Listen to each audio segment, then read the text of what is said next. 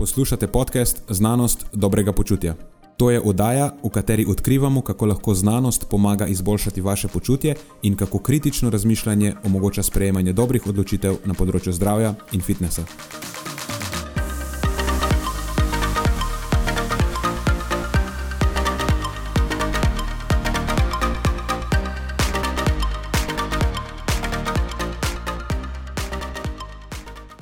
Pozdravljeni, z vami smo Nenad in moj sovoditelj Marijo. V tokratni epizodi se pogovarjava o tem, kaj pomeni biti dober svetovalec in katere so najpogostejše napake pri svetovanju. Midva se sicer navezujeva specifično na prehransko svetovanje, ampak pravzaprav gre za univerzalna načela, ki po moje veljajo za svetovanje na splošno tudi na drugih področjih. Preden začnemo, pa se moram zahvaliti še našim sponzorjem. Zaenkrat to še vedno ni velika korporacija, temveč zvesti poslušalci, ki nam izkazujete zaupanje in podporo s prijavo v našo člansko skupino Znanost dobrega počutja. Hvala vsem, ki s tem držite luči prižgane in omogočate podkastu, da raste in postaja še bolj kakovosten. Hvala tudi vsem, ki nas podpirate s pozitivnimi komentarji in visokimi ocenami, ter s tem, da priporočate podcast svojim znancem in prijateljem. Zdaj pa je končno čas za začetek epizode. Uživajte ob poslušanju.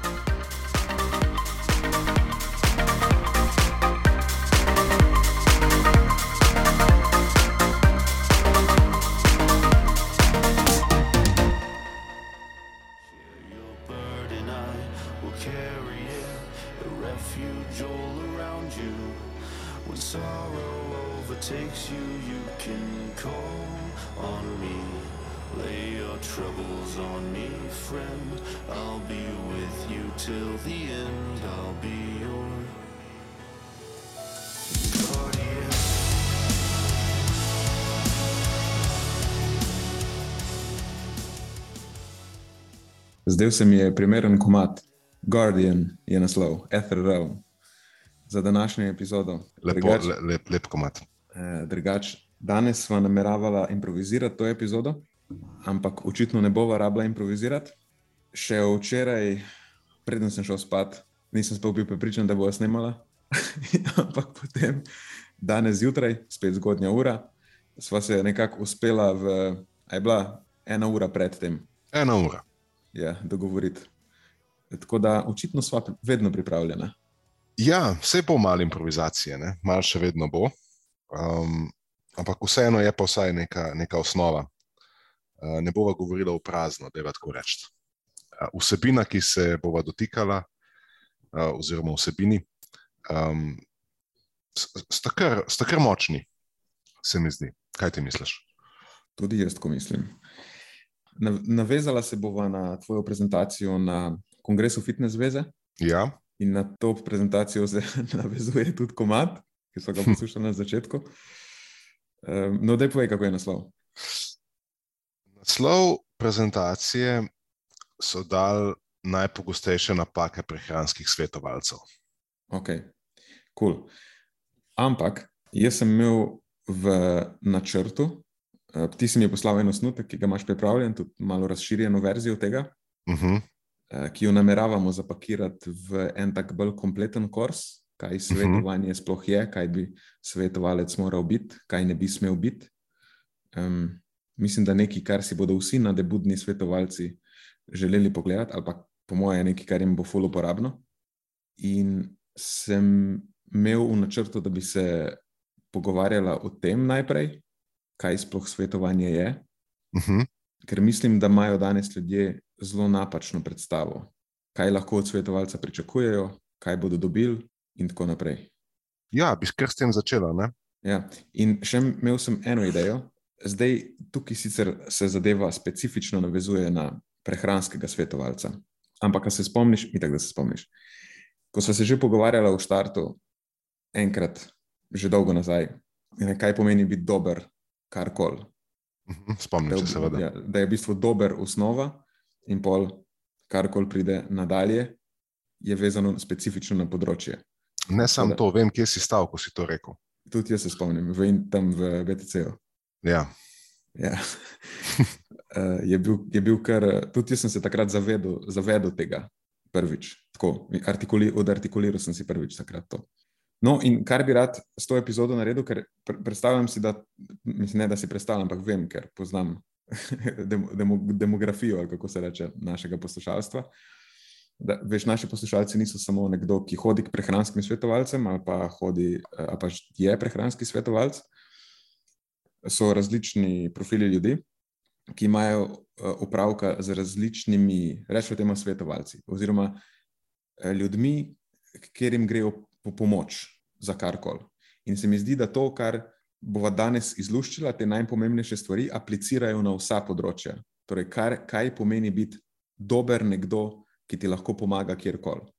V smislu, da ti nekaj svetuje, ampak po mojem bi lahko splošno to tudi na neke druge poklice, ki so tako servis poklici. V smislu, jaz prepoznam tudi dobrega avtomehanika vsem tem, kar imamo pripravljeno. Jaz si predstavljam, da se lahko marsikdo v tem prepozna. Ne bi, ne bi pa želel biti tako prepotenten, da bi v svojo pojasnilo vključeval tudi vse ostale. A se razume, kje je razlika. Ne? Se pravi, zelo dobro poznam um, skozi vsa ta leta področje prehranskega svetovanja, svetovanja tudi trenerskega dela, in seveda je zelo veliko usporedni z drugimi področji, um, ampak jih ne poznam tako dobro, uh, oziroma nekih specifik. Uh, teh področji, ki jih omenjaš, da bi lahko res rekel, ja, to pa tudi za vse vas velja. Vse veš, kaj mm. hočem povedati. Ja, Sam ta nek ta disclaimer. Um, včasih uh, se mi zdi, da ljudje glih to naredimo, ne, da zelo radi prestopimo. Sej, po mojem, ne bo ničesar prestopala, ker ne bova govorila specifično o prehrani. Ja, to je pa res. Ja, govorila bova samo o tem, kaj pomeni nekomu. Uh, učinkovito rešiti problem, oziroma kaj to zahteva. Je pa možno, to je z moje strani disclaimer na začetku, da imam jaz eno tako zelo romantizirano predstavo o tem. Uh -huh. uh, tudi ugotovil sem sam zase, da imam precej visoke standarde, ko grem k nekomu, da mi reši problem. Pol, uh, pa ne vem, če lahko rečem, pričakujem, ampak cenim, da se mi ta oseba pol zares posveti, pa mi proba po najboljših močeh rešiti problem. To, to se vedno ne zgodi, pravzaprav zgodi zelo redko. Ampak s tem sem jaz najbrž umazan v narekovajih, zaradi tega, ker imam jaz tak pristop do ljudi, ki pridejo k meni. In potem enako pričakujem. A veš, kaj hočem reči? Ja, ja razumem. Ja. Iz, pač izhajaš iz tega, kar, ja. iz, iz, te, iz tega standarda, ki, ki ga ponujaš sam. Ne. Ja, tako da, evo, o tem se bo danes. To je bil nekako moj načrt, da se o tem pogovarjava, hm. kaj, kaj dejansko pomeni biti dober nekdo, ki lahko reši problem. In tukaj namenoma ne uporabljam pomagati. Kaj pomeni biti dober nekdo, ki lahko nekomu pomaga? Ker se mi zdi, da zdaj na tej točki obstaja nevarnost, da bo ta debata iztirila v nekaj čist drugega. Tako da prosim, da me drž nazaj, ker ta, ta zadeva ima en tak potencial, da postane epizoda sama po sebi. Ne, kaj je razlika med pomočjo in med servisom? Kako je to? Ja, slovenščino. Storitvijo. Ja. storitvijo. Obstaja velika razlika med pomočjo in storitvijo. In jaz, recimo, če se navežem na avtomehanika, k njemu grem po storitev, ne grem po pomoč. Ne? Ker če greš nekomu po pomoč, recimo jaz grem k tebi po pomoč, pa ti priješ k meni po pomoč in tako. In če ti priješ po pomoč in sem jaz pripravljen pomoč dati, pa ti pomoč dam in tukaj se zgodba konča. Ne pričakujem ničesar v zameno. Imava odnos, v okviru katerega lahko od mene pričakuješ pomoč. Ne pomeni, da ti dam nekaj in zato ne pričakujem ničesar nazaj to je pol, pomoč. Ampak z avtomehanikom nimam razvitega takega odnosa, ki ga pač niti ne poznam. In k njemu grem po servis. Jaz k njemu grem, da mi reši problem in ga zato ustrezno kompenziram. To je neka čist druga stvar. Zdaj, pustva ob strani to, da danes ljudje ne znajo ločiti med tem, da tudi v odnosih, kjer bi bilo uh, smiselno operirati pod predpostavko tega, da si pomagamo, se doskrat obnašajo tako, da ti upravljajo storitev, a veš, kaj nekaj jih prosiš, uh -huh. da jim pomaga, in pol nekaj za te naredijo, in pol pričakujejo, da jim to vrneš. Ne? Not, not what I have in mind, ampak ok. Tako da sem to sem hotel. Um, se mi je zdelo pomembno. Pomembno se mi je zdelo, da o tem razmišljamo. Razumem uh, to semantiko pri tebi, ker v bistvu pri plačilu postaviš mejo za pomoč, se načeloma ne plačuje. Ne?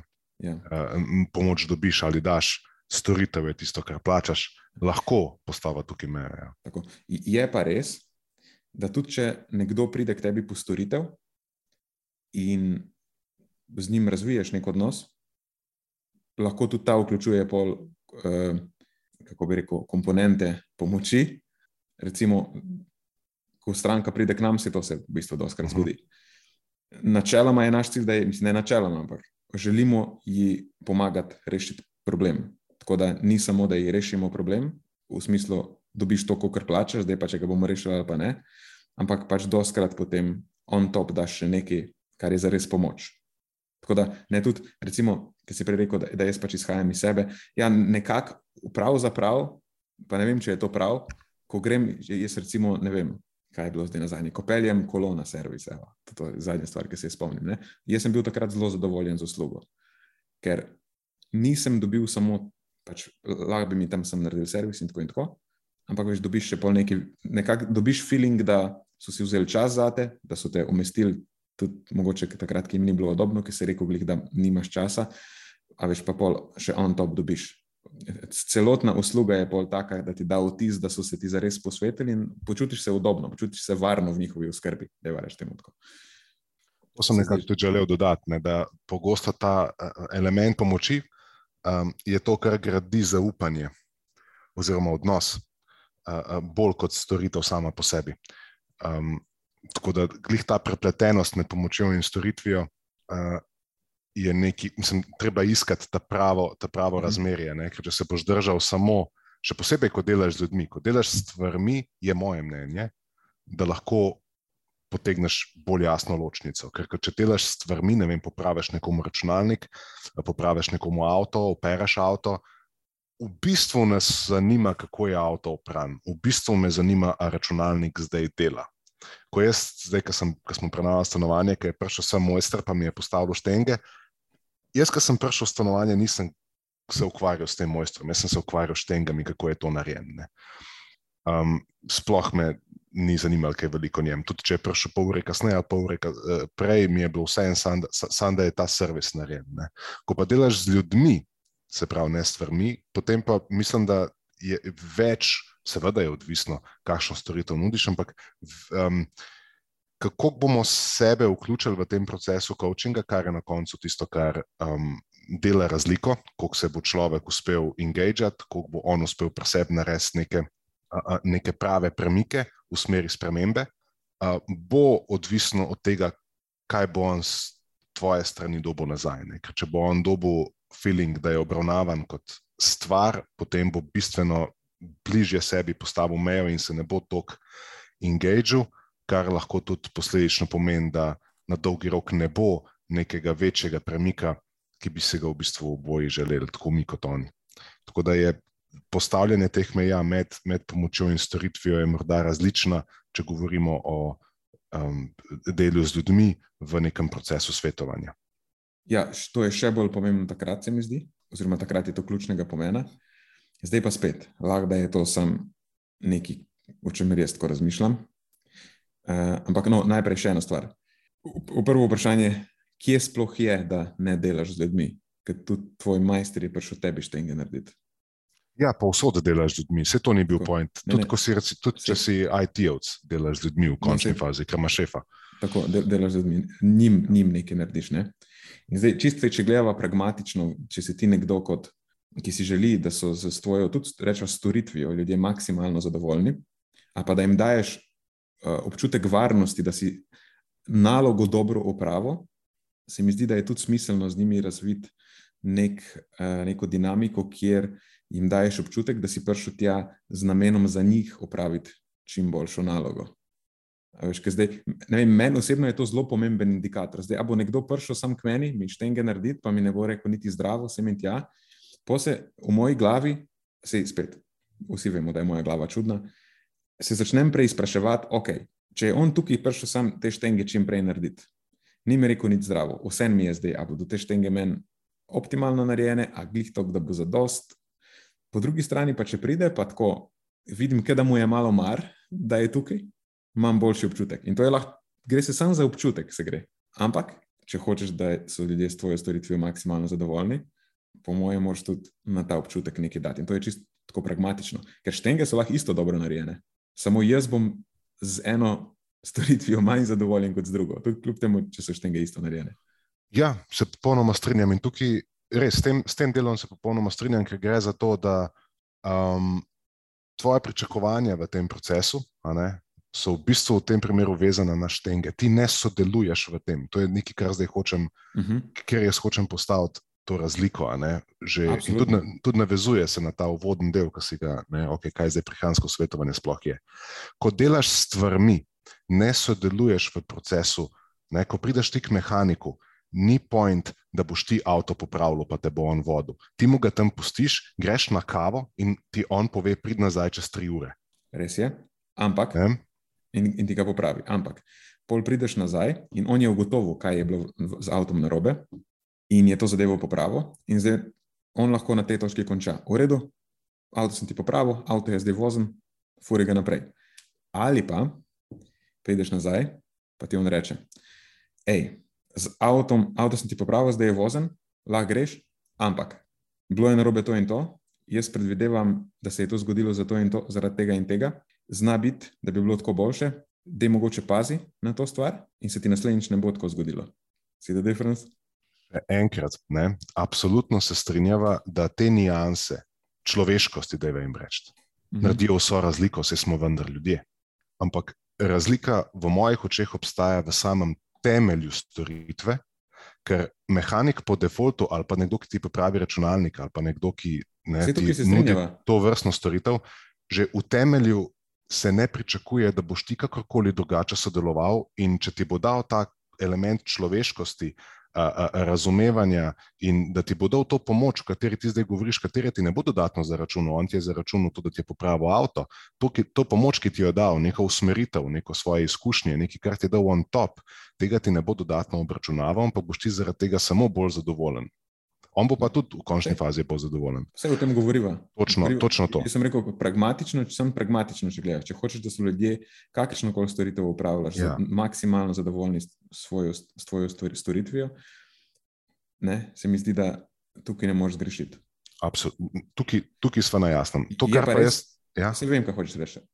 In tudi s tem se strinjam. Ja, je pa absolutno razlika, če ti delaš na osebi nekaj, kjer rabiš feedback od nje nazaj in to dober feedback, ne, kjer moraš z njo razviti ne, neko efektivno komunikacijo, da ti daje povratne informacije nazaj. To je tako, kot bi se avtomehanik pogovarjal z avtom. Da bi se rabo pogovarjati z avtom, ne, da bi ga lahko efektivno popravil. Ne, bi ga vprašal, okay, kje te boli, varianta, pa bi mu rekel, tukaj me boli, ok, to je pol, vem, sklopka problem. ne na ta način podobno. Ampak pazi to, se strinjam se, ampak tudi pri avtu, recimo, tudi pri avtomehaniku, tako zdaj gre malo v absurd, ampak sem tako izzivam. Če mehanik tebe na začetku, recimo, da računa na uro, okay? koliko ur bo porabil, da ti popravi avto. Zdaj jaz nisem mehanik, pa nimam pojma. Sam play with it. In ti priješ njemu in rečeš, to pa to, neki tam ropota, ne, da mi to popravi. Zdaj on tebe lahko spusti, pa bo svoje naredil, vse bom najdel, kje je problem, bom zaračunal kako ekstra uro, ni, ni panike. Lahko te pa vpraša, ok, kje si to opazil, kdaj je ropota. A takrat, ko se hitro furaš, a ko se počasi furaš, a ko bremzaš. In zna biti, da lahko hitreje rešiš problem. Sej, to je nerelevantno za najno debato, ki zdaj, zdaj že nakladam. Sam ho, hočem, reč, hočem navezati nazaj na tisto, kar sem na začetku rekel, da te principi, o katerih se bova danes pogovarjala, se mi zdi, da se lahko posplošijo na skoraj vsak poklic, ki je servis poklic, in potem ločijo med tem, ali je odličen, ali pa uh -huh. sem dober, ali pa kakorkoli. Tukaj ti pa dajem v celoti prav in moram priznati, da tisti moj disclaimer prej, ne, da se to težko uh, ne bi rad izpadel. Ne, se spomniš, prej, ki sem rekel v uvodu, um, preveč ne, prepričano o tem, kako lahko ljudje na drugih področjih to uh, uh, uh, povzemajo, v bistvu mal dlakocepski. Ne. V, bistvu, v, v resnici se strinjam s tabo, da um, so ti principi univerzalni ne, tudi na področju prehrane in uh, kot na področju vem, ne, ostalih panog, kjer imaš opravka z ljudmi. Tukaj se, to, to se lahko strinjam. Okay. Um, tisto, kar sem pa samo želel izpostaviti, da je, pa to se tudi navezuje na razliko, o kateri govorim na, na, na predavanju na Fitness Zvezi, na kongresu, o razliki med svetovalcem, se pravi med prehranskim svetovalcem in, prehranskim, in med prehranskim strokovnjakom. Uh -huh. Ker to je lahko lahko je strokovnjak, svetovalec in svetovalec strokovnjak. Lahko pa tudi z, z, z, čist pošteno ni.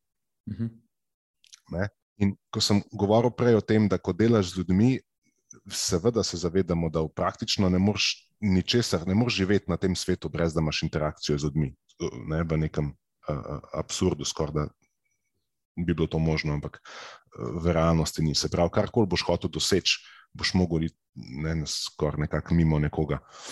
Um, ampak, s, ko delaš kot svetovalec, je v bistvu tvoj primarni cilj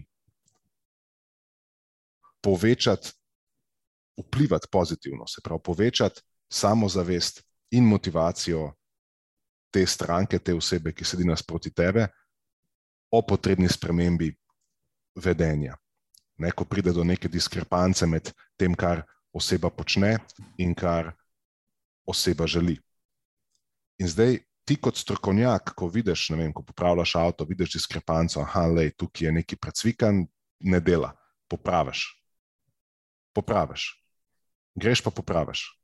Seveda, način, kako ti to komuniciraš, potem vse je to povrh, ampak ti greš pa to popraviš. Vidiš, tega momenta pri svetovanju ni. Ti ne moreš iti pa človeku nekaj popraviti, ne glede na to, kako jasno um, to vidiš. Edini, ki lahko to popravi, je on. Ja. Ko popraviš avto, si to ti. Ne, noben avtomehanik ne gre svoje stranke, da je to kavice, pomreče, okay, da je pa tukaj prim.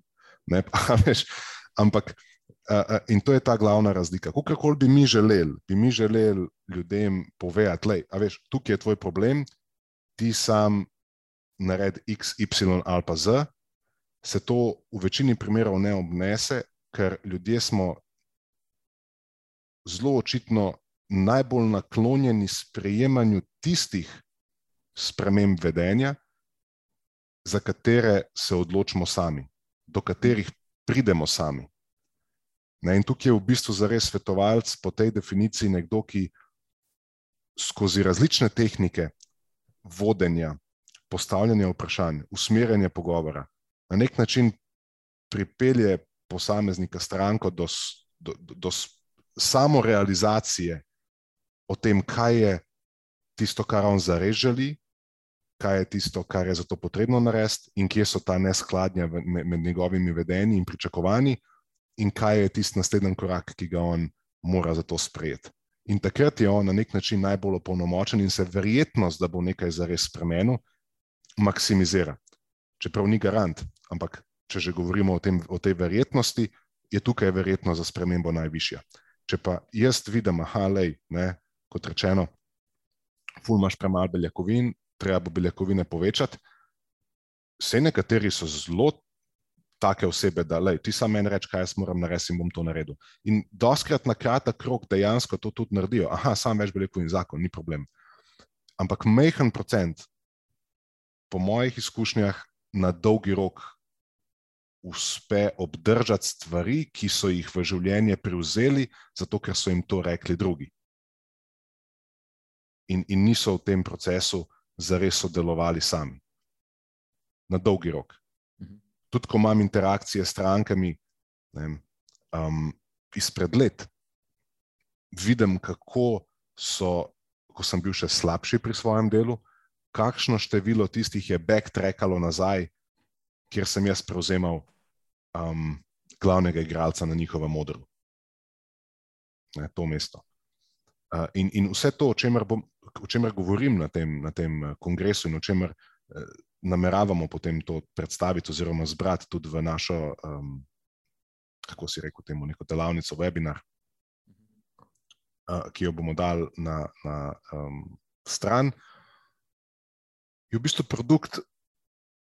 Ker precej mesecev in mesecev in mesecev intenzivnega razmišljanja o tem, kje so glavni razlogi, zakaj sem jaz nekoč, pa o tem smo na kratkem že govorili, ne bom pretiraval, zakaj sem jaz nekoč imel zelo veliko nekih informacij, um, bi, s katerimi lahko dejansko strankam nudim kvalitetno storitev, pa sem bil pri svojem delu zelo, zelo neuspešen. Če gledamo statistično, koliko sem ljudem pomagal po teh kriterijih svetovanja, sem bil dosti neuspešen. Um, in kje so glavne razlogi za to, da, da pa danes so rezultati res korenitejši in, in bolj pogosto prisotni v tej pozitivni luči. In glavna razlika je ta, da sem delal najbolj ravno na teh veščinah svetovalca, bolj kot pa na osnovnih veščinah strokovnjaka. Zdaj na, na tej točki smo na razpotju. Lahko bi se, jaz imam najprej eno stvar zapovedati, tako da to bo en kratek obvoz, pa se bo povrnila nazaj na križišče in ima v, v dve smeri lahko nadaljujeva. Lahko najprej poveva, kaj eh, svetovanje ne bi smelo biti, pa kaj spoh je. Naslednja stvar eh, je pa so veščine svetovalca, ker že s tem začetnim pogovorom smo izpostavili v bistvu pomen mehkih veščin. Uh mhm. -huh. za, sveto, za svetovalca so bolj pomembne te mehke veščine, bolj kot, kako bi temu rekla, trde veščine, ki delajo strokovnjaka. In vse to, o čemer smo se pogovarjali, kako je pomembno za, že za sam feeling, ki ga imaš, ko dobiš storitev, ali pa kako lahko tekom te storitve, tudi če delaš stvarmi, smo očitno ugotovili um, kako lahko učinkovite problem rešiš, je uh, efektivna komunikacija, je prva stvar. Mislim, da je to, ta efektivna komunikacija nekaj, kar, kar je tako, da veščina v življenju, na vseh področjih. Ja. Na vseh področjih. Tukaj pa skoraj ni nijans. Ja. In, in druga stvar, pa, ki bi mogoče tudi lahko celo posplošila ja, na vseh področjih, pa greš ta z roko v roki, je pa empatija. Um, zdaj pa tista prva stvar, ki sem jo želel povedati, je ta da je ja, absolutno to, da nekdo pride sam do neke odločitve, sicer s, tvojo, s tvojim vodstvom, rečemo temu, ali pa z nasvetom, ki mu predstaviš, zakaj je to pomembno, in se pol on odloči o konkretni poti, kako to pomembno stvar aplicirati v svoje življenje. To se mi zdi ključno, se strinjam.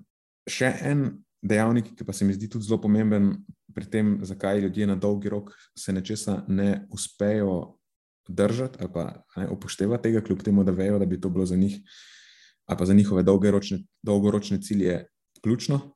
Je pa to, da temu angliži rečejo, ne missing the forest for the tree ali pa for the trees, kakorkoli. Da, recimo, konkretno v na primeru prehrane se doskrat ukvarjamo samo s tem, kar je na krožniku. Ampak do tega, da ti prideš do tega, da daješ že stvari na krožnik, predtem je še kup enih korakov. In če na tej poti do krožnika plavaš proti toku, na neki točki ne, v življenju, ko ti bo začelo življenje metati polena pod noge, več ne boš imel kapacitet, da preplavaš celo pot do krožnika. Zgubiš se nekje vmes. In se mi zdi, da je ena zelo pomembna stvar, s katero se doskrat, po moje, večina prehranskih svetovalcev se s tem ne ukvarja, je ta pot do krožnika.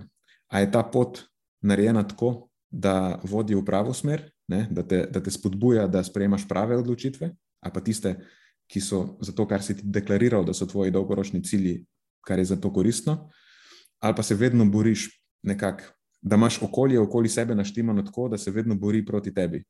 In ti lahko uspeva sestavljati prave stvari na krožniku, dokler so okoliščine za dosti dobre, dokler te v življenju ne bremenijo druge stvari.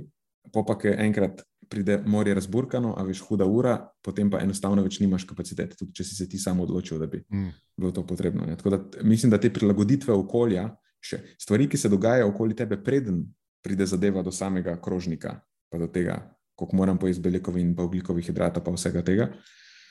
Uh, so tudi zelo, zelo pomembne. In, no, in to je v bistvu ena stvar, da se prva dva tedna na tem mojstru prehrane na našem programu ukvarjamo samo s tem. Noben, nobene skoraj besede ni o tem, kaj konkretno dajeti na krožnik, pač razen nekih zelo osnovnih smernic, ampak predvsem to, kako si pripraviš teren, da bomo potem kasneje, ker se bomo ukvarjali s tem, kaj je smiselno, glede na njihove dolgoročne cilje, dati na krožnik, da bo to lahko elegantno potekalo. Tudi takrat, ko situacija v življenju ne bo popolna, ker vsi vemo, da je redko kdaj če sploh popolna. Sem, sem to sem želel še izpostaviti, da se mi zdi, da sta te, te dve komponenti ključni, ko govorimo o tem, kako uspešen bo nekdo z, na, na dolgi rok s premembami, ki jih je uvedel nedavno. Zdaj pa, če se vrnemo nazaj, da ne zabluzim preveč, kaj svetovanje ne bi smelo biti? Imamo v, v, v trenutnem času, kjer je prehransko svetovanje tako res postaja popularno. Spomniš se še nazaj, ko je bilo prehransko svetovanje v večji meri omejeno na področje delovanja osebnih trenerjev in pisanje nekak, ne, um, jedilnikov, se ljudje niso identificirali kot prehranski svetovalci. Ne. Tako da to je šele zdaj v zadnjih letih postalo zelo popularno, ker vedno več ljudi si tako reče. Um, in zato se mi zdi, da tudi ljudje nimajo pravega odnosa do tega, kaj prehransko svetovanje zares je. Tako da trenutno se mi zdi, da še vedno obstajamo v svetu, kjer imajo ljudje do prehranskih svetovalcev zaradi zgodovine našega obnašanja um, pričakovanja, predvsem, da bodo dobili, ali ne vejo, kaj bodo dobili. Ljudje sploh nimajo pojma, kaj ne, se bo zdaj zgodil, ko pridejo k nekomu. Um, imajo pa večkrat pričakovanja, da bodo dobili nek seznam jedi, ki jih smejo ali pa ne smejo, ali pa nek generičen jedilnik. Ko rečem generičen, mislim bolj na to, da so jedilniki ponavljajoči, reciklirajo se, oziroma um, ta človek, ki se pravi svetovalec pod navednicami, um, potem reciklira te jedilnike. Mogoče kakšno jed spremeni, če reče človek, da je glih alergičen na neki, ne? Ampak v principu gre za nek neko reciklažo, uh, enega one size fits all pristopa. Um, tako da to, to trenutno prehransko svetovanje je, se pravi, je pisanje jedilnikov, je podajanje na svetov iz sebe, iz uh, nekega pristranskega razumevanja svojih izkušenj. In zelo težko ti razumeš nekoga, če izhajaš iz sebe. To je ne, osnovno dejstvo ampak ravno to počnemo. Ne. Jaz probam nekaj, meni nekaj funkcionira, in potem probam še pri nekomu, in funkcionira še pri nekomu, in potem mislim, da to lahko pri praktično vsakmu. Ker na lastne oči sem videl, da lahko funkcionira. Ne. In, in tega so najbolj krivi, pod navednicami, morda ravno. Pa ne bom rekel več samo mlajši, ker veš, včasih smo mislili, da je to neka mladostniška zaletavost, ampak danes vidimo v tem poklicu ljudi, ki so stari kot mi, če ne celo starejši, pa delajo ravno te osnovne napake. In to je postal standard trenuten prehranskega svetovanja, ki to ni. Mhm. To je v bistvu neko povsem navadno šalabajzerstvo. To je spet univerzalna stvar. Je. Če hočeš nekomu drugemu optimizirati karkoli, ne moreš izhajati iz sebe. Ne? Dejansko, če hočeš biti učinkovit v tem, da nekomu drugemu ali rešiš problem, ali mu pomagaš, kakorkoli hočeš to obrniti, moraš dati sebe na stran in se vprašati, kaj je zdaj za to drugo osebo v njegovi situaciji najboljše. In doskrat ni to, kar je najboljše za me. Tako. In to je tudi pr prva napaka, ki jo na tem predavanju izpostavim, ko grem po vrsti, ne, je pač ravno ta, da ne veš, kje ti je mesto. In tvoje mesto je za najboljšimi interesi tistega, ki sedi nasproti tebe.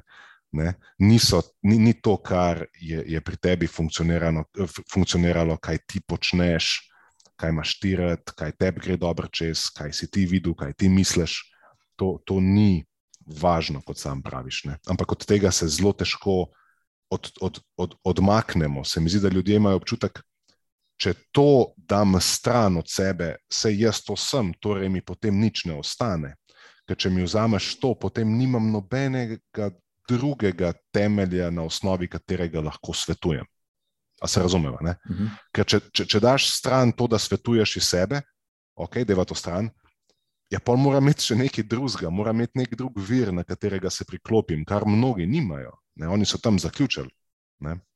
In, in tukaj je potem ta, kljub temu, da lahko razume, zakaj je to problem, ima težavo karkoli s to informacijo ali pa z, zavedanjem tega narediti, ker je veš, nič mu ne ostane, če da to stran. Se pravi, v bistvu mi efektivno govoriš, da ne neham delati to, kar delam, ker druge poti nimam. Ne? Sej, spet univerzalno. Ja.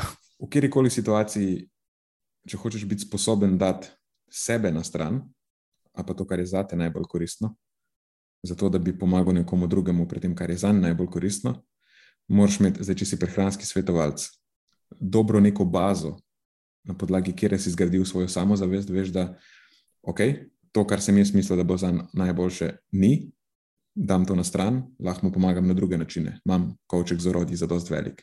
Ne? In enako si predstavljam, da je tudi pri nekih bolj um, takih splošnih stvarih, tudi v medosebnih odnosih, recimo.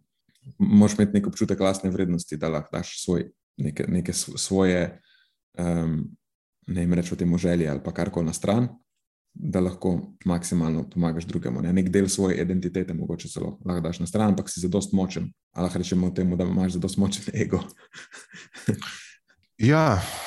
Jaz, mislim, se, se nekak, če, če greva nekako backtrackati ali pa malo globje, se lahko razumeš, v bistvu, odkje ljudem um, ta vzorc, ne, kje je ta reakcija, impulzivna reakcija. Vse ljudje, ne vem, se, se imaš svetovalce v Peugeotovih salonih avtomobilov. Se, on je svetovalec, ampak pač dela za Peugeot. Ne. Se pravi, svetuje v eni znamki avtomobila. Ali pa imaš nekoga, ki, ki, ki ne vem, dela v Bošovem salonu in govori o pravnih strojih in pač razume Bošov pravni stroj in pač svetuje o pravnem stroju. Zakaj je zdaj problem, zakaj njemu ne težimo? Ne? V čem je pol problem, da jaz pač sem LCHF prehranski svetovalec ali pa da sem veganski prehranski svetovalec? Ne? V čem je zdaj problem? Vse jaz se pač postavim nekako v svoj kotiček, to je zdaj stvar, ki jo razumem, ne? se pravi, Alen Brand, ena znamka, ena moja lastna izbira, ki mi je iz teh ali drugih razlogov všeč, ni važno. In zdaj jaz ljudem svetujem o tem. Se pač on še vedno lahko gre kam drugam, če mu to, kar jaz svetujem, ni všeč. Ne? Tukaj je glavna ne, razlika, na katero vedno opozarjamo. Ja, sem, a veš, ti si svetovalec, nisi prodajalec. Naš poklic pred, predvideva, da v prvi vrsti svetuješ o najboljših interesih stranke, ne pa o, o najboljših interesih prodaje določenega izdelka. Ne. Se gre se to, ne vem, transparentnost je najbrž pravi. Transparentnost je najbrž pravi. Zaradi tega, ker ti, ko greš kupiti, eh, a se reko Pežoja, ne? Dal sem primer, ne. Okay. Okay. Ampak ti greš v salon, kjer imajo Pežoje, kupiti Pežoja. Veš, da greš kupiti Pežoja. Ne greš, a veš, pri, pri, ja, če pa greš k prehranskemu svetovalcu, ti greš k njemu po nek cilj, ki ga imaš, zdaj ali je to zdravje, ali je izguba telesne mase, ali kakorkoli. In po to si prišel, nisi prišel po LCHF. V redu, če si ti šel z namenom, da ti on sestavi LCHF jedilnik, lej, tako si se odločil, jaz ti sicer to odsvetujem, ampak pej pol tja, kaj ti čem jaz. Um, ja, ja. Je pa čist nekaj drugega, ko si se ti odločil, da hočeš zase za najti optimalen način za dosego svojih ciljev in ti pol on usiljuje. Tako, da bi prišel tam v salon Peugeot in rekel, hej, ker je vem, najboljši avto za to in to, pa predpostavljamo, da Peugeot zdaj ni, v tem primeru pa bi ti rekel, ja. Peugeot. Je pa se to, se, to se dogaja. Ne? V našem poklicu veš, kako pogosto je to. Uh, te transparentnosti, kot prvo, ni, kot drugo, ljudje so bistveno bolj površni pri sklep, sprejemanju odločitev o, o, na področju prehrane, kot pa mnogokrat na drugih področjih. In mnogo tako imenovanih svetovalcev ni transparentnih, ampak niti ne razumejo točno, o čem se zdaj pogovarjava, ker je za njih popolnoma naravno in nič narobe s tem, če pač nekomu svetuješ iz svojih izkušenj. In, in mu nekako vse hočeš, sem dober, ne imaš dobre namene, tebi to pomaga, mnogim drugim je pomagalo, zakaj pač ne bi zdaj smel njemu povedati, ne? pa pač ne se pol na koncu vendar on odloči. Ne? Ampak veš, ne, ne, skozi pogovor z mnogimi sem ugotovil, da nimajo sploh kapacitet dojemanja problematike tega. Ne, um, ni, ne gre čez. Jaz se, jaz se razum, strinjam s tabo. Sam. Mislim, da je to širši družbeni problem. Ja. Ljudje si ne znamo prisluhniti, pa, pa uh, si učinkovito pomagati. Sej, mislim, je neč slab, mislim, neč slabega. Jaz to sicer izpostavim kot nekaj, kar je družbena pomanjkljivost, ampak to je družbena normala. Je. Načeloma, kaj se zgodi, ker slišim, da je to bolečina ljudi, očitno. Da, pri, ko pridejo k nekom po pomoč, recimo, ali pa veš, mu pridejo z neki, recimo, prijatelji med sabo, si pridejo, da si bodo zaupali probleme, kakorkoli, in mu povejo, kaj je z njimi narobe, ali pa kakšen problem imajo, in pol un drug prijatelj takoj svetuje, hej, veš, kaj jaz mislim, to pa to, kao probamo rešiti problem, tako kot ga je on sebi rešil. Uh -huh. spet, izhaja iz sebe in, in to ni učinkovita pomoč. Ker doskrat sploh ni, pa se nisem prišel, da ti mi zdaj ti poveš, kako si ti rešil problem. A veš, kaj hočem reči. Se, točno to je najbrž tudi razlog, zakaj imajo tako smo naučeni, da pristopijo ja. k temu, k temu recimo, poklicu, takšne težave dojeti, v čem je problematika. Ne. Se so sam prenesli to, kar že tako, tako v življenju počnejo, na še eno področje svojega delovanja in zdaj v čem je problem. Če jaz mm. tako funkcioniram že vse čas, povsod. Ja. Uh, še eno stvar, ki, ki si rekel, ne, da svetovanje je pa ni, je pa en tak old school pristop uh, žuganja s prstoma. Ne. Se pravi, jaz ti dam zdaj navodila, jaz ti povem, tega, ne, ne jaz cukra, ne jaz po šesti, spušči zajtrk, deli to, deli tist. In ti potem greš in itak tega ne upoštevaš, in pol priješ nazaj, in pa si tako cel posran. Ne, jaz te vprašam, ti mi ne upaš povedati, jaz pa le, pa sem ti rekel, pa le, a veš mislim, rabva malo več discipline. Rab, se pravi, to neko tak način, način komunikacije, kjer se stranka v bistvu počuti um, ne v primežu nekoga, skoraj da je svetovalec nekdo, ki, s kateremu se mora zagovarjati. Ne, um, Ta, a, se, a veš ta stereotip osebnega trenerja? Če še eno, še eno, ne, kaj si nisi prišel na trening, ne biti pusi, whatever. Um, se pravi, to je, to, to je spodbujanje te mentalitete, da če ti ne uspe slediti nekim navodilom, ki ti jih daje drug, potem imaš nek feler v svojem lastnem karakterju in da si lahko sam sebi pripišeš razloge za svoj neuspeh. Ne, vsi so ti povedali, kaj moraš, ti si jadan, ker pač tega ne moreš upoštevati. Ja, to, to, je, to je klasično prelaganje odgovornosti unih trenerjev, ki so, ki so kako bi temu rekel, ki so šipki, v bistvu sami so šipki in je pol to njihov obramben zid, ki ga postaviš tako, da se narediš takega. Ti bom zdaj jaz povedal, žugaš s prstom, varianta, se malo razjeziš. Sam v resnici to, da si jezen na stranko, pa ne, bo, mislim, bog ne da, da se dereš na kogarkoli. To je v bistvu odraz tvoje lastne frustracije, da si nezadovoljen si sam s sabo, ker ne uspeš ali pa nimaš veščin, s katerimi bi lahko dosegel svoj cilj. In zdaj ne, ne, na nekoga moraš biti jezen. In ja, to je dejansko ja. znak šibkosti, ni znak moči. In vsaj dve negativni posledici ima ta zadeva. Prva je, da itak izgubljaš pač nadzor nad situacijo, ne, pa strankino zaupanje. In druga stvar je pa, da rušiš strankino samozavest. Tisto stvar, ki je dejansko ključna, če hočeš jo opolnomočiti, da začne ona sama sprejemati dobre odločitve zase. To je ključna stvar za uspeh. To, da se razjeziš v tem procesu, pa da si frustriran, je zadnja stvar, ki se ti sme zgoditi. Ker zdaj tako je. Lahko bi rekel, da nikoli ni stranka kriva. Ne drži dobesedno. Nikoli ni samo stranka kriva. Ne? Pač seveda, nekje moraš potegniti črto, Ampak, če ugotoviš, da napaka ni na tvoji strani, ali pa da ne moreš več ti tukaj naprej pomagati, um, recimo, da ugotoviš, da stranka ni pripravljena, da doseže cilje, ki si jih je zastavila, potem edino, kar ti tukaj preostane, je, da ji to efektivno skomuniciraš. Ni razloga za nobeno jezo, ne? ni za žuganje ali karkoli podobnega. Ker v tem primeru pač rabiš edin, to je edina, po moje, prava pot je razumevanje. Lej, rekla si, da so to sicer tvoji cilji, to so kriteriji, ki jih je potrebno za te cilje izpolniti, ne uspevati. Jaz sem probo po svojih najboljših močeh, sva probala skupaj najti načine, kako lahko to dosežeš.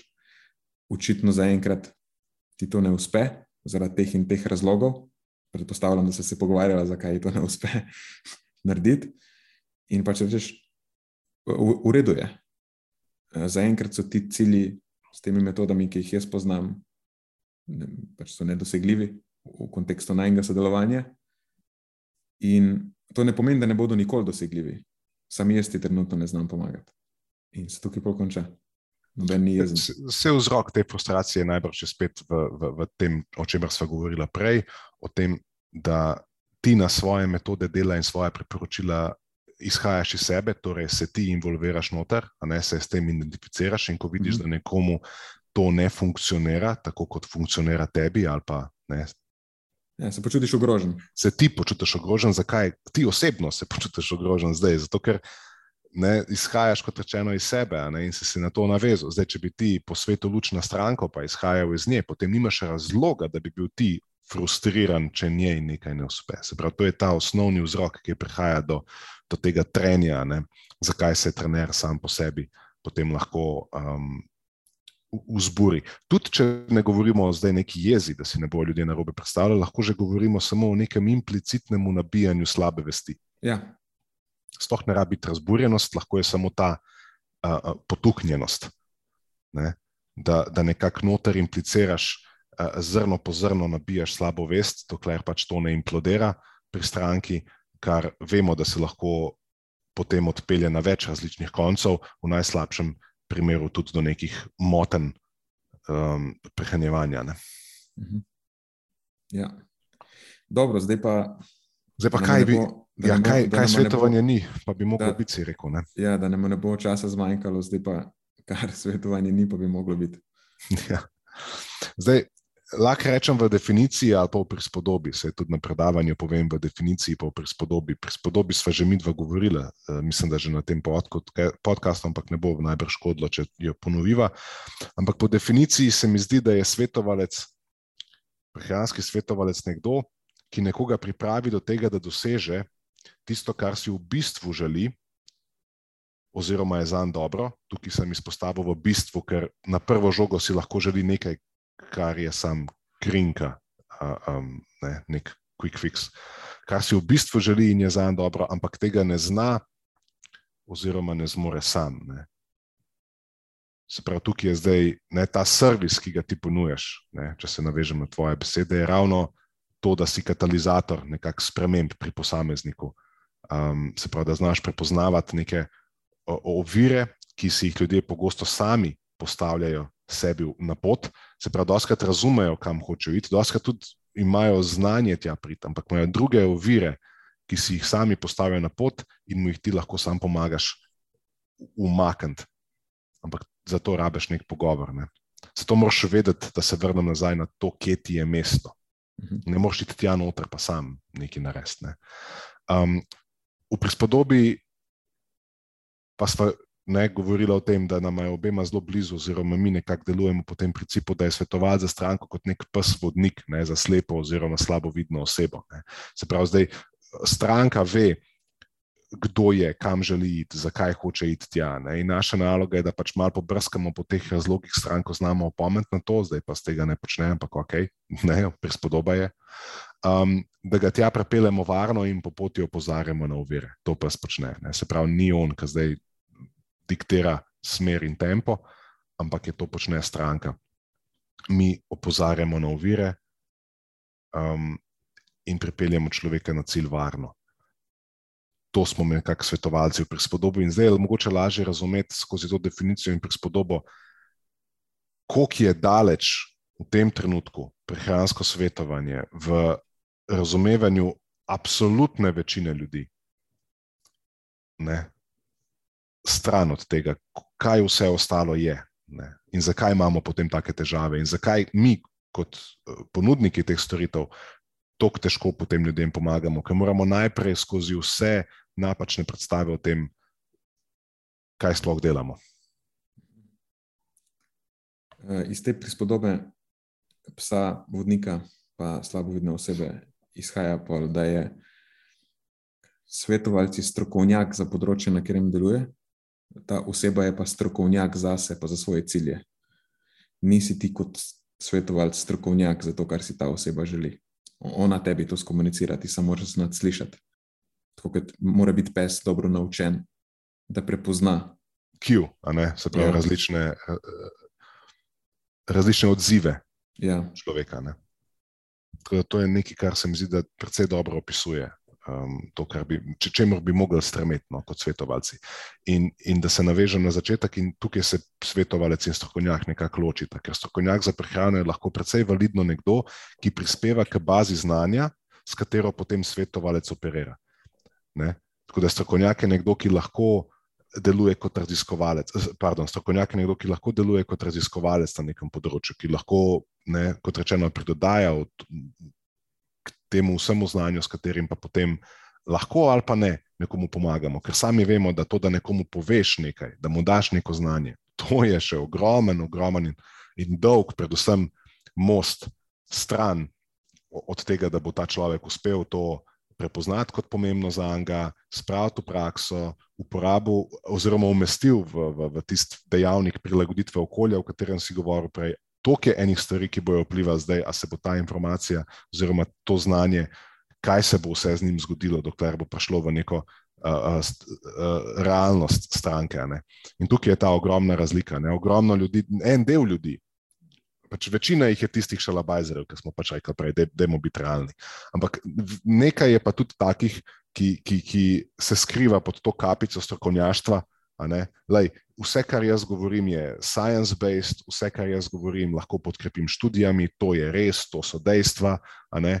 In nekako potem tudi tukaj se oni distancirajo, tukaj se njihova zgodba konča. Jaz ti povem, kaj je res, če ti tega pač ne moreš ali ne znaš spraviti v prakso. Lej, your fucking problem. In, in tukaj vidim še en tak pomemben problem, ne, ki, ki ni nujno vezan na napako informacij. Tudi če znam ne izhajati iz sebe, pa izhajam iz nečesa drugega, ne, pa izhajam recimo iz strokovne literature oziroma iz znanosti, pa tudi če je to popolnoma korektno, je to še vedno lahko zelo, zelo, zelo daleč od tega, da boš nekomu zares uspel. Um, da reč pa ponuditi neko kvalitetno uslugo, storitev, pomagati. Ja. E, dobro, zdaj nam bo počasi začelo časa zmanjkovati. Jaz bi naredil tako, da rekel sem, da se bomo pogovarjali o veščinah, uh mhm. -huh. ki naredijo dobrega svetovalca. Omenila sva efektivno komunikacijo, pa empatijo, ki se meni zdi ta ključni, ampak je cel seznam. Če sta cel seznam, niti čez te dve ne bova prišla v času, ki ga imamo alocirano čez to. Ja, to, kar sem rekel. Ja. Tako da to bi jaz prihranil za eno posebno epizodo, kaj so veščine, ki naredijo dobrega svetovalca. Bi pa na koncu mm, namenil še teh par minut najpogostejšim napakam pri svetovanju. In mislim, da smo jih kar nekaj že razdelali, samo nismo uh -huh. jih mhm. poimenovali, tako nismo jih poimensko izpostavili. Prva je ta, da ne razumeš, kje ti je mesto ki berem iz tvojega seznama. To mislim, ja. da so obdelali. Pač ne razumeš, ja. kaj je tvoja naloga, ne, na katerem področju si močen, na katerem nisi, in tako naprej. Se mi zdi, da to je v bistvu to. Ja, to, to pa še pod ta prvi, ne, osnovni, eh, na osnovno točko razumevanja, kaj sploh svetovalec v procesu počne, kakšen je njegov odnos do stranke. Ne, in, in tukaj mislim, da je na, osnovna napaka, ne? Da, da, da ne znamo se pozicionirati tukaj in se postavljamo zelo pogosto celo pred stranko. Uh mhm. -huh. Tam se začne vse ostalo rušiti. Uh mhm. -huh. Potem druga je, stojiš na trhlih temeljih. A to si se navezal na tiste vse influencer svetovalce? S tem sem se pa, ja, s tem sem se navezal na um, pomankanje, dejansko pomankanje objektivnega strokovnega znanja. Ne? Mhm. S tem govorim, da stojiš na teh temeljih. Ker, če, nimaš, če je tvoj plan A, edini plan in to je izhajam iz sebe in iz tega, kar jaz sem pri sebi videl, pa probo, pa mi funkcionira, pa mi ne, to so zelo trhlih temelji. Ker ti v bistvu nič drugega ne razumeš. Ti si omenil neki, missing the forest for the trees. Well, that's you. Ne? V tvojem primeru je, je to, so to trhlih temelji. Se pravi, nimaš nobenega odnosa do um, do, do nekega nepristranskega, nimaš širi, znanja, nimaš širine znanja. Vse, kar razumeš in veš, je to, kar ti počneš. In Potem to so naslednji, temelji. Naslednji dve točki v bistvu sta, se mi zdi, zelo sorodni. Ja, ja, se, se, se ne čekiraš, pa izhajaš iz sebe. Ja, to je to. Ne, ne, ja, ne čekiraš se, koliko so dejansko tvoje informacije korektne, pa kakšen je tvoj učinek, pa to, da izhajaš iz sebe, pa itak so že tako povedali v tej epizodi, kaj pomeni. Eh, tukaj sem imel tudi uh, drugačen pogled na to. Mislil sem oboje, predvsem v tem smislu, da se ne zavedaš pasti oskoglednosti, mm -hmm. bom rekel tudi osko usmerjene specializacije. Če se ti ukvarjaš z ljudmi zgolj na enem področju, ne vem, delaš kot dietetik ali pa delaš kot se pravi klinik ali pa delaš vem, na področju reproduktivnega zdravja žensk, delaš na področju športne prehrane, ne, um, si lahko precej, še vedno si lahko precej slep ne, za, za mnoga druga področja in situacije, s katerimi se ukvarjajo ljudi, ki ne pašejo v, v svet športne prehrane ali pa v svet, ne vem, se me razumeš. Yeah. Ja. In, in tukaj se mi zdi zelo velik pomen tega timskega pristopa, da, da se znaš povezati z ljudmi, ki so močnejši na področjih, kjer ti nisi, in, in da, doj, da dojemaš tudi te perspektive, da vidiš, kje so pasti, na katere recimo, bi lahko bil pozoren, ko imaš opravka z ljudmi, ne, ki, ki presegajo tvoje okvirje oske specializacije. Se pravi, to je bilo mišljeno. Okay. Pojmova pa si prodajalec, ne svetovalec. To mislim, da smo dobro izpostavili zunaj, ja. podobo s Pežojem. Da pač prodajaš svoj pristop, ne svetuješ ljudem. Naredijo, tukaj se navezujem bolj na te influencerje, ki si rekel. To je zelo dober biznis. Ne? Se pravi, ti ustvariš produkt. Če hočeš nekaj prodati, prodati, potem ne moreš prodati ideje, moš prodati nekaj konkretnega. In zdaj ti ustvariš, ne vem, 14, dne, 14 tedenski, pardon, 14, dnev, 14 dnevni nek, ne vem, detox plan, ustvariš neko dieto, neki delnik, neki whatever. In ti zdaj v bistvu prodajaš to, dobesedno vsem, ne filtriraš. Tebi ni namen v bistvu zares se ukvarjati s posameznikom preko točke, ko ugotoviš, a je zdaj on dobra stranka za te ali ni. In to je vse. Uh mhm. -huh. in, in tukaj vidim, da ta, se, te prioritete so, so šiftane. Po je šesta, prepričuješ, ne svetuješ. Ja, ne, se pravi, tukaj se spet navezujemo na to, da um, ti misliš, kaj bi bilo za stranko pomembno narediti, prepoznaš to, vidiš, da, da, ima, da, da ima človek problem na eni točki, ti zdaj to vidiš. Ne. In potem vse, kar sledi, je, da potem iščeš načine, kako boš dodajal razloge, da ne stranka to spremeni, kar ti vidiš, da mora spremeniti. Ej, pa se veš, da ne smeš iti full pozen spat, pa ne smeš gledati, tik, pa ne gledati TikToka zvečer, ker pa noč mogo spati. Dej, dej, ne vem, dej telefon stran, dej, dej probi, ne vem, dej to nared ali pa dej tis nared. Se pravi, vse, kar počneš, je prepričuješ. Ne, na takšne ali pa drugačne načine. In kaj s tem efektivno počneš, je postaviš posameznika v nek ne, nižji položaj, kjer se zdaj mora zagovarjati, mora braniti, mora pojasnjevati. Pač to je zdaj gotovo. Je. Zdaj si šel v to spiralo in ne moreš se več gor pobrati. Mislim, v najboljšem primeru postaneš bergla, kar je itak ne idealen razplet. Ja. V najslabšem primeru pa si v tisti prispodobi psa, pa slabo vidne osebe, si kajen podivjan steko pes. Ki zdaj človeka poriva nekam, kamor bi on mislil. In polon, hej, pa ne, pa sem pa, a veš, pa ne razumeš, zakaj jaz ne morem iti tja. Veš, ne, točno to. Ne. Se pravi, ne ukvarjaš se s človekom, ukvarjaš se nekako s tem, kako ga prepričati o nekaj. In tukaj pač delamo to vse čas. Vidiš v komentarjih, vidiš v objavah, vidiš skozi članke, vidiš, vidiš povsod uh, te napake v našem delu. Mhm. Sedma je ne poslušaš. Sem mislil predvsem na reflektivno poslušanje. Pravi, govorim o tem nekem, neki obliki poslušanja, kjer, ki, ki gradi zaupanje, ki pomaga tudi graditi empatijo v bistvu če, če si nekdo, ki ti empatije morda prepoznaš, da primankuje. Ker če ti zdaj meni nekaj razlagaš in jaz pokažem, demonstriram skozi reflektivno poslušanje, se pravi, povzemam v svojih odgovorih, kar si ti meni povedal, s tem ti dajem vedeti, da te poslušam, da razumem. In prideva do nekega strinjanja, in se s tem gradi tudi zaupanje.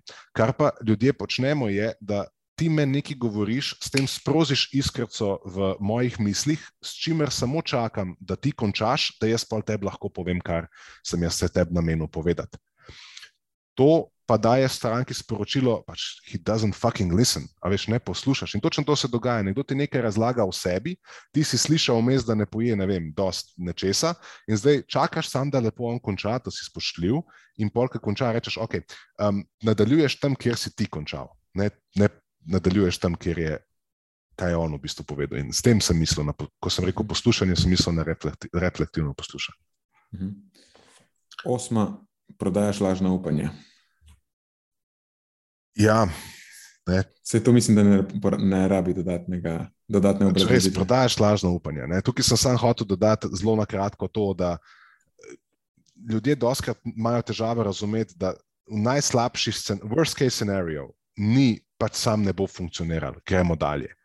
Ampak najslabši scenarij je, da ljudje, ki na lažna upanja sama po sebi niso problem, dokler ljudje na njih ne vežejo pričakovanja. Ne, jaz nam lahko lažno upanje, da bom dobil milijardo, kupam loterijsko uh, uh, srečko, ne zmagam, pač faket. Nisem na to vezal pričakovanja, da bom zmagal. Ampak čim ljudje vežejo pričakovanja na nekaj, kar ti prodajaš, potem ob neuspehu, ne, tukaj se lahko močno poigramo z njihovo samopodobo in ne, to je nekaj, kar ima lahko zelo negativne posledice in tega se sploh ne zavedamo. Mislim, to je že po, v štartu sporno, ker to je po definiciji zavajanje. ja ampak očitno ne, je to postal nek standard v naši, v naši industriji, zato o tem govorim. Mm. Pa sploh ne bi smel o tem govoriti. E, deveta točka se navezuje na to, ali pa izhaja iz tega, ne pomisliš o posledicah svojih dejanj. Ja, na to, je, na to se navezuje. Mislil sem pa bolj s tem na promocijo body image. Mislil sem na socialne medije konkretno. Ljudje danes dajo na socialnih medijih gor slike svojih obrokov, dajo svoj life, dajo, ej, gledam svetovalke. Ej, to je se kot sveto. Ok, poslušaj me do konca. Delajo, eh, delajo um, del, oglašujejo se kot nutricionistke svetovalke, pomagajo ljudem pri motnjah hranjenja, pri, ne, ampak jaz ne najdem skozi štirikrat uh, slajdem dol, ne najdem ene slike, kjer bi imela obraz uh, predstavljen, ampak sam to, sam rit, sam poze, sam body image. Ali še o tem govorim? Ne? Ljudje dajo gor samo svoje lepe obroke samo tisto, kar le kako sem lepo pojedel, le kako sem to pojedel, le kako jaz jem pico, le kako jaz jem to. Se pravi, ti, ko daješ obroke gor, zato ne bom govoril o tebi, vedno pospremaš to s kontekstom. Vedno pojasniš, vedno upoštevaš, kaj ta slika zdaj pomeni in komu to zdaj, kaj ti zdaj želiš sporočati s to sliko. Ljudje pač dajo stvari sam fucking gor sam dajo gor v svet. In za njih se kle zgodba konča. Ne razumejo pa, da njih spremljajo določeni ljudje, določen tip populacije. Še posebej, če imajo tisoče in tisoče in tisoče followerjev, je treba razumeti, da to, ta slika, to, da jaz zdaj tukaj se ne guzim dobesedno. Ima neko sporočilno vrednost, ki ni nujno samo lahkotna in lejte, koliko sem jaz sam huda in lejte, delite to, kar jaz delam. Ker, to je podlo in tega nočijo videti. Tukaj obstaja cel kup racionalizacij, nekih osebnih izgovorov in osebnih demonov in osebnih vzorcev, zakaj imajo težavo ta cikl um, prekiniti. Mhm. Ja, to je spet tema, lahko za, za drugič, celo, ja. celo epizodo. E, pa imamo pa še deseto, zadnjo, prehitro skočiš na plan. To je, delaš po one size fits all pristopu. V bistvu ja, ampak s tem sem mislil pa celo, veš, kaj si govoril o, o, o. Tukaj sem se navezoval na strukturo coachinga, o tem govorim na, na, o tem govorim na um, kongresu. Uh mhm. -huh. Ker strukturiran coaching pristop ni na ključen. Ne moreš ti zdaj, da se mi zdaj malo pogovarjati o prehrani da mi malo povej, pa bom jaz tebi malo povedal, pa pač bo to vse skupaj lahko šlo po svoje. Ampak ima neko strukturo, poskušaš stranko nekako engageati, če uporabim ta izraz, vključiti, graditi nek odnos, graditi neko zaupanje, spustiti mogoče malo neke barijere, s katerimi pride v začetku, imeti nek dober način, kako sfokusirati njegove misli. Se pravi, ne, gre vas potem skozi evociranje oziroma iskanje razlogov za spremembo, ki jo, ki jo potem poskuša sam sama stranka izpostaviti v spredje. In šele na koncu je potem planiranje konkretnih korakov, kaj bomo zdaj delali, s čim se bomo konkretno ukvarjali. Se pravi, to sem imel v planu, preskočiš na ta plan. Se pravi, sploh se ne ukvarjaš z razlogi od zadaj, z vključevanjem, z graditvijo odnosa, z ničemer, ti zdaj, hej, ok, hočeš slišati, lej. Za zajtrk poješ to, za kosilo poješ to, sam kalorije, makroti, ne to, to te zanima. Ti si zdaj preskoč človeka, ker človek te v bistvu ne interesira, interesira te, da poveš to, kar ti veš, kar ti znaš, kar ti misliš, da veš, oziroma misliš, da znaš, in da pokasiraš, in da gremo dalje. In to je, to, to je pač. Um, kaj na papiga si? Kaj na, ja, ok, good point. Uh, to je. Um, Mislim, to je zdaj tako, želivo do papig. ja, res, to je res ogromen disservice. To je disservice enostavno, lej, to, to počnemo, ne? ampak to je disservice. To, to ni svet. Tukaj, že, tukaj se lahko zelo hitro najde nek, lahko prej strokovnjak, ki se tako dojema, ki pač sam ponavlja neke stvari, neka znanja, neke, tudi če so ne, korektne, ni, ni, ni, ne laže, ampak dobesedno zanemari, njega človek ne zanima, njega zanimajo podatki. Tako funkcionirati, tako ja. funkcionirati je zelo varno, če nimaš dobro razvitih teh people skillsov, takih veščin. Če, ne, če ne znaš delati z ljudmi, potem je najbolj elegantno zate. Da skočiš na plan. Ja. Najbolj udobno, da imaš nek mušter, pa se tega držiš kot pijan splota. Ampak je to neučinkovito na koncu. Se, so ugotovila, no, da so in, mehke veščine ključne za svetovalce. In to sem hotel ne, pač nekako izpostaviti, da, da, da človek ne delaš s človekom in ne moreš pač skočiti samo na to, kar ti v njem vidiš, da je pokvarjeno, ne da bi vzel obzir ne, njega kot takega in njegovo dojemanje tega, in vse to, kar on mogoče že zna, in vse to, kar se ti reče skozi tisto prispodobo psa vodnika. On je strokovnjak zase, tega ne moreš zanemariti. Na tej točki, zdaj bomo zaključili. Jaz imam eno končno misel, a mi lahko poveš, kako ti je všeč. Dej. Ampak bom začel z enim primerom. Ne vem, če drži, nekdo mi je to rekel. Upam, da drži, ker bo vse skupaj temeljilo na tem. Hmm. je, ba je eh, psihologi, to je najbrž kakšna šola psihologije, ne vem, če je to vse povsod praksa, da tekom svojega izobraževanja grejo sami na neko psihoanalizo. Okay? Da, če hočeš ti biti dober psiholog, moraš najprej svoje demone rešiti. Varianta. Mhm. To, to, jaz, takrat, ko sem to slišal, nisem šel preverjati, se mi je zdelo zelo smiselno. Ampak zdaj razmišljam, da tudi če, če, tudi če to ne drži, še zmeraj lahko postavim svojo predpostavko. Je ta, da če ti hočeš biti dober svetovalec, če hočeš biti dobra oseba, to so ugotovili že, ugotovila že, moraš, med, moraš znati zgraditi dober odnos z ljudmi. In če hočeš zgraditi dobre, trdne, varne odnose z ljudmi, moraš biti dobro izoblikovana osebnost. In če se ti lotiš biti svetovalec, impulzivno, zato ker ti je všeč prehrana, whatever, ali pa karkoli drugega um, boš najbrž naredil vse te napake, zaradi razloga, ker nisi delal za dost na sebi, kot na osebnosti. Ne znaš dati sebe na stran, ne znaš dati druge osebe na prvo mesto, ne znaš efektivno komunicirati, ne znaš biti empatičen, ne znaš delovati timsko, itd., itd., še bi lahko našteval. Tako da, kdorkoli hoče biti svetovalec na katerem koli področju, pol poleg tega, da gradi trdne veščine, da je strokovnjak za to, kar dela, mora veliko, veliko, veliko delati tudi na sebi, da se razvije v eno trdno osebo, ki bo lahko pol tistim, ki pridejo k njemu, rečemo po servisu ali po pomoč, kako češ, da jim bo opora, da jim bo nek varen pristan, kjer bodo imeli zaupanje vanga in ki jim bo znal ponuditi to, kar rabijo. To sem hotel reči. Ja, tukaj ni, to, to je odličen zaključek. Lahko sam rečeš, krat, hvala lepa, se slišimo naslednjič.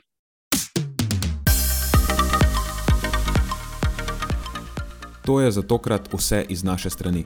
Hvala, ker ste poslušali do konca. Delite epizodo s svojimi znanci in prijatelji in jo priporočajte dalje, saj s tem omogočite, da sporočilo znanost dobrega počutja doseže čim večjo množico. Hvala vsem, ki nas podpirate s članarino in tudi vsem ostalim, ki delite podcast dalje in nam izkazujete naklonjenost z visokimi ocenami in pozitivnimi komentarji. Se slišimo prihodnjič, do takrat pa ostanite premišljeni.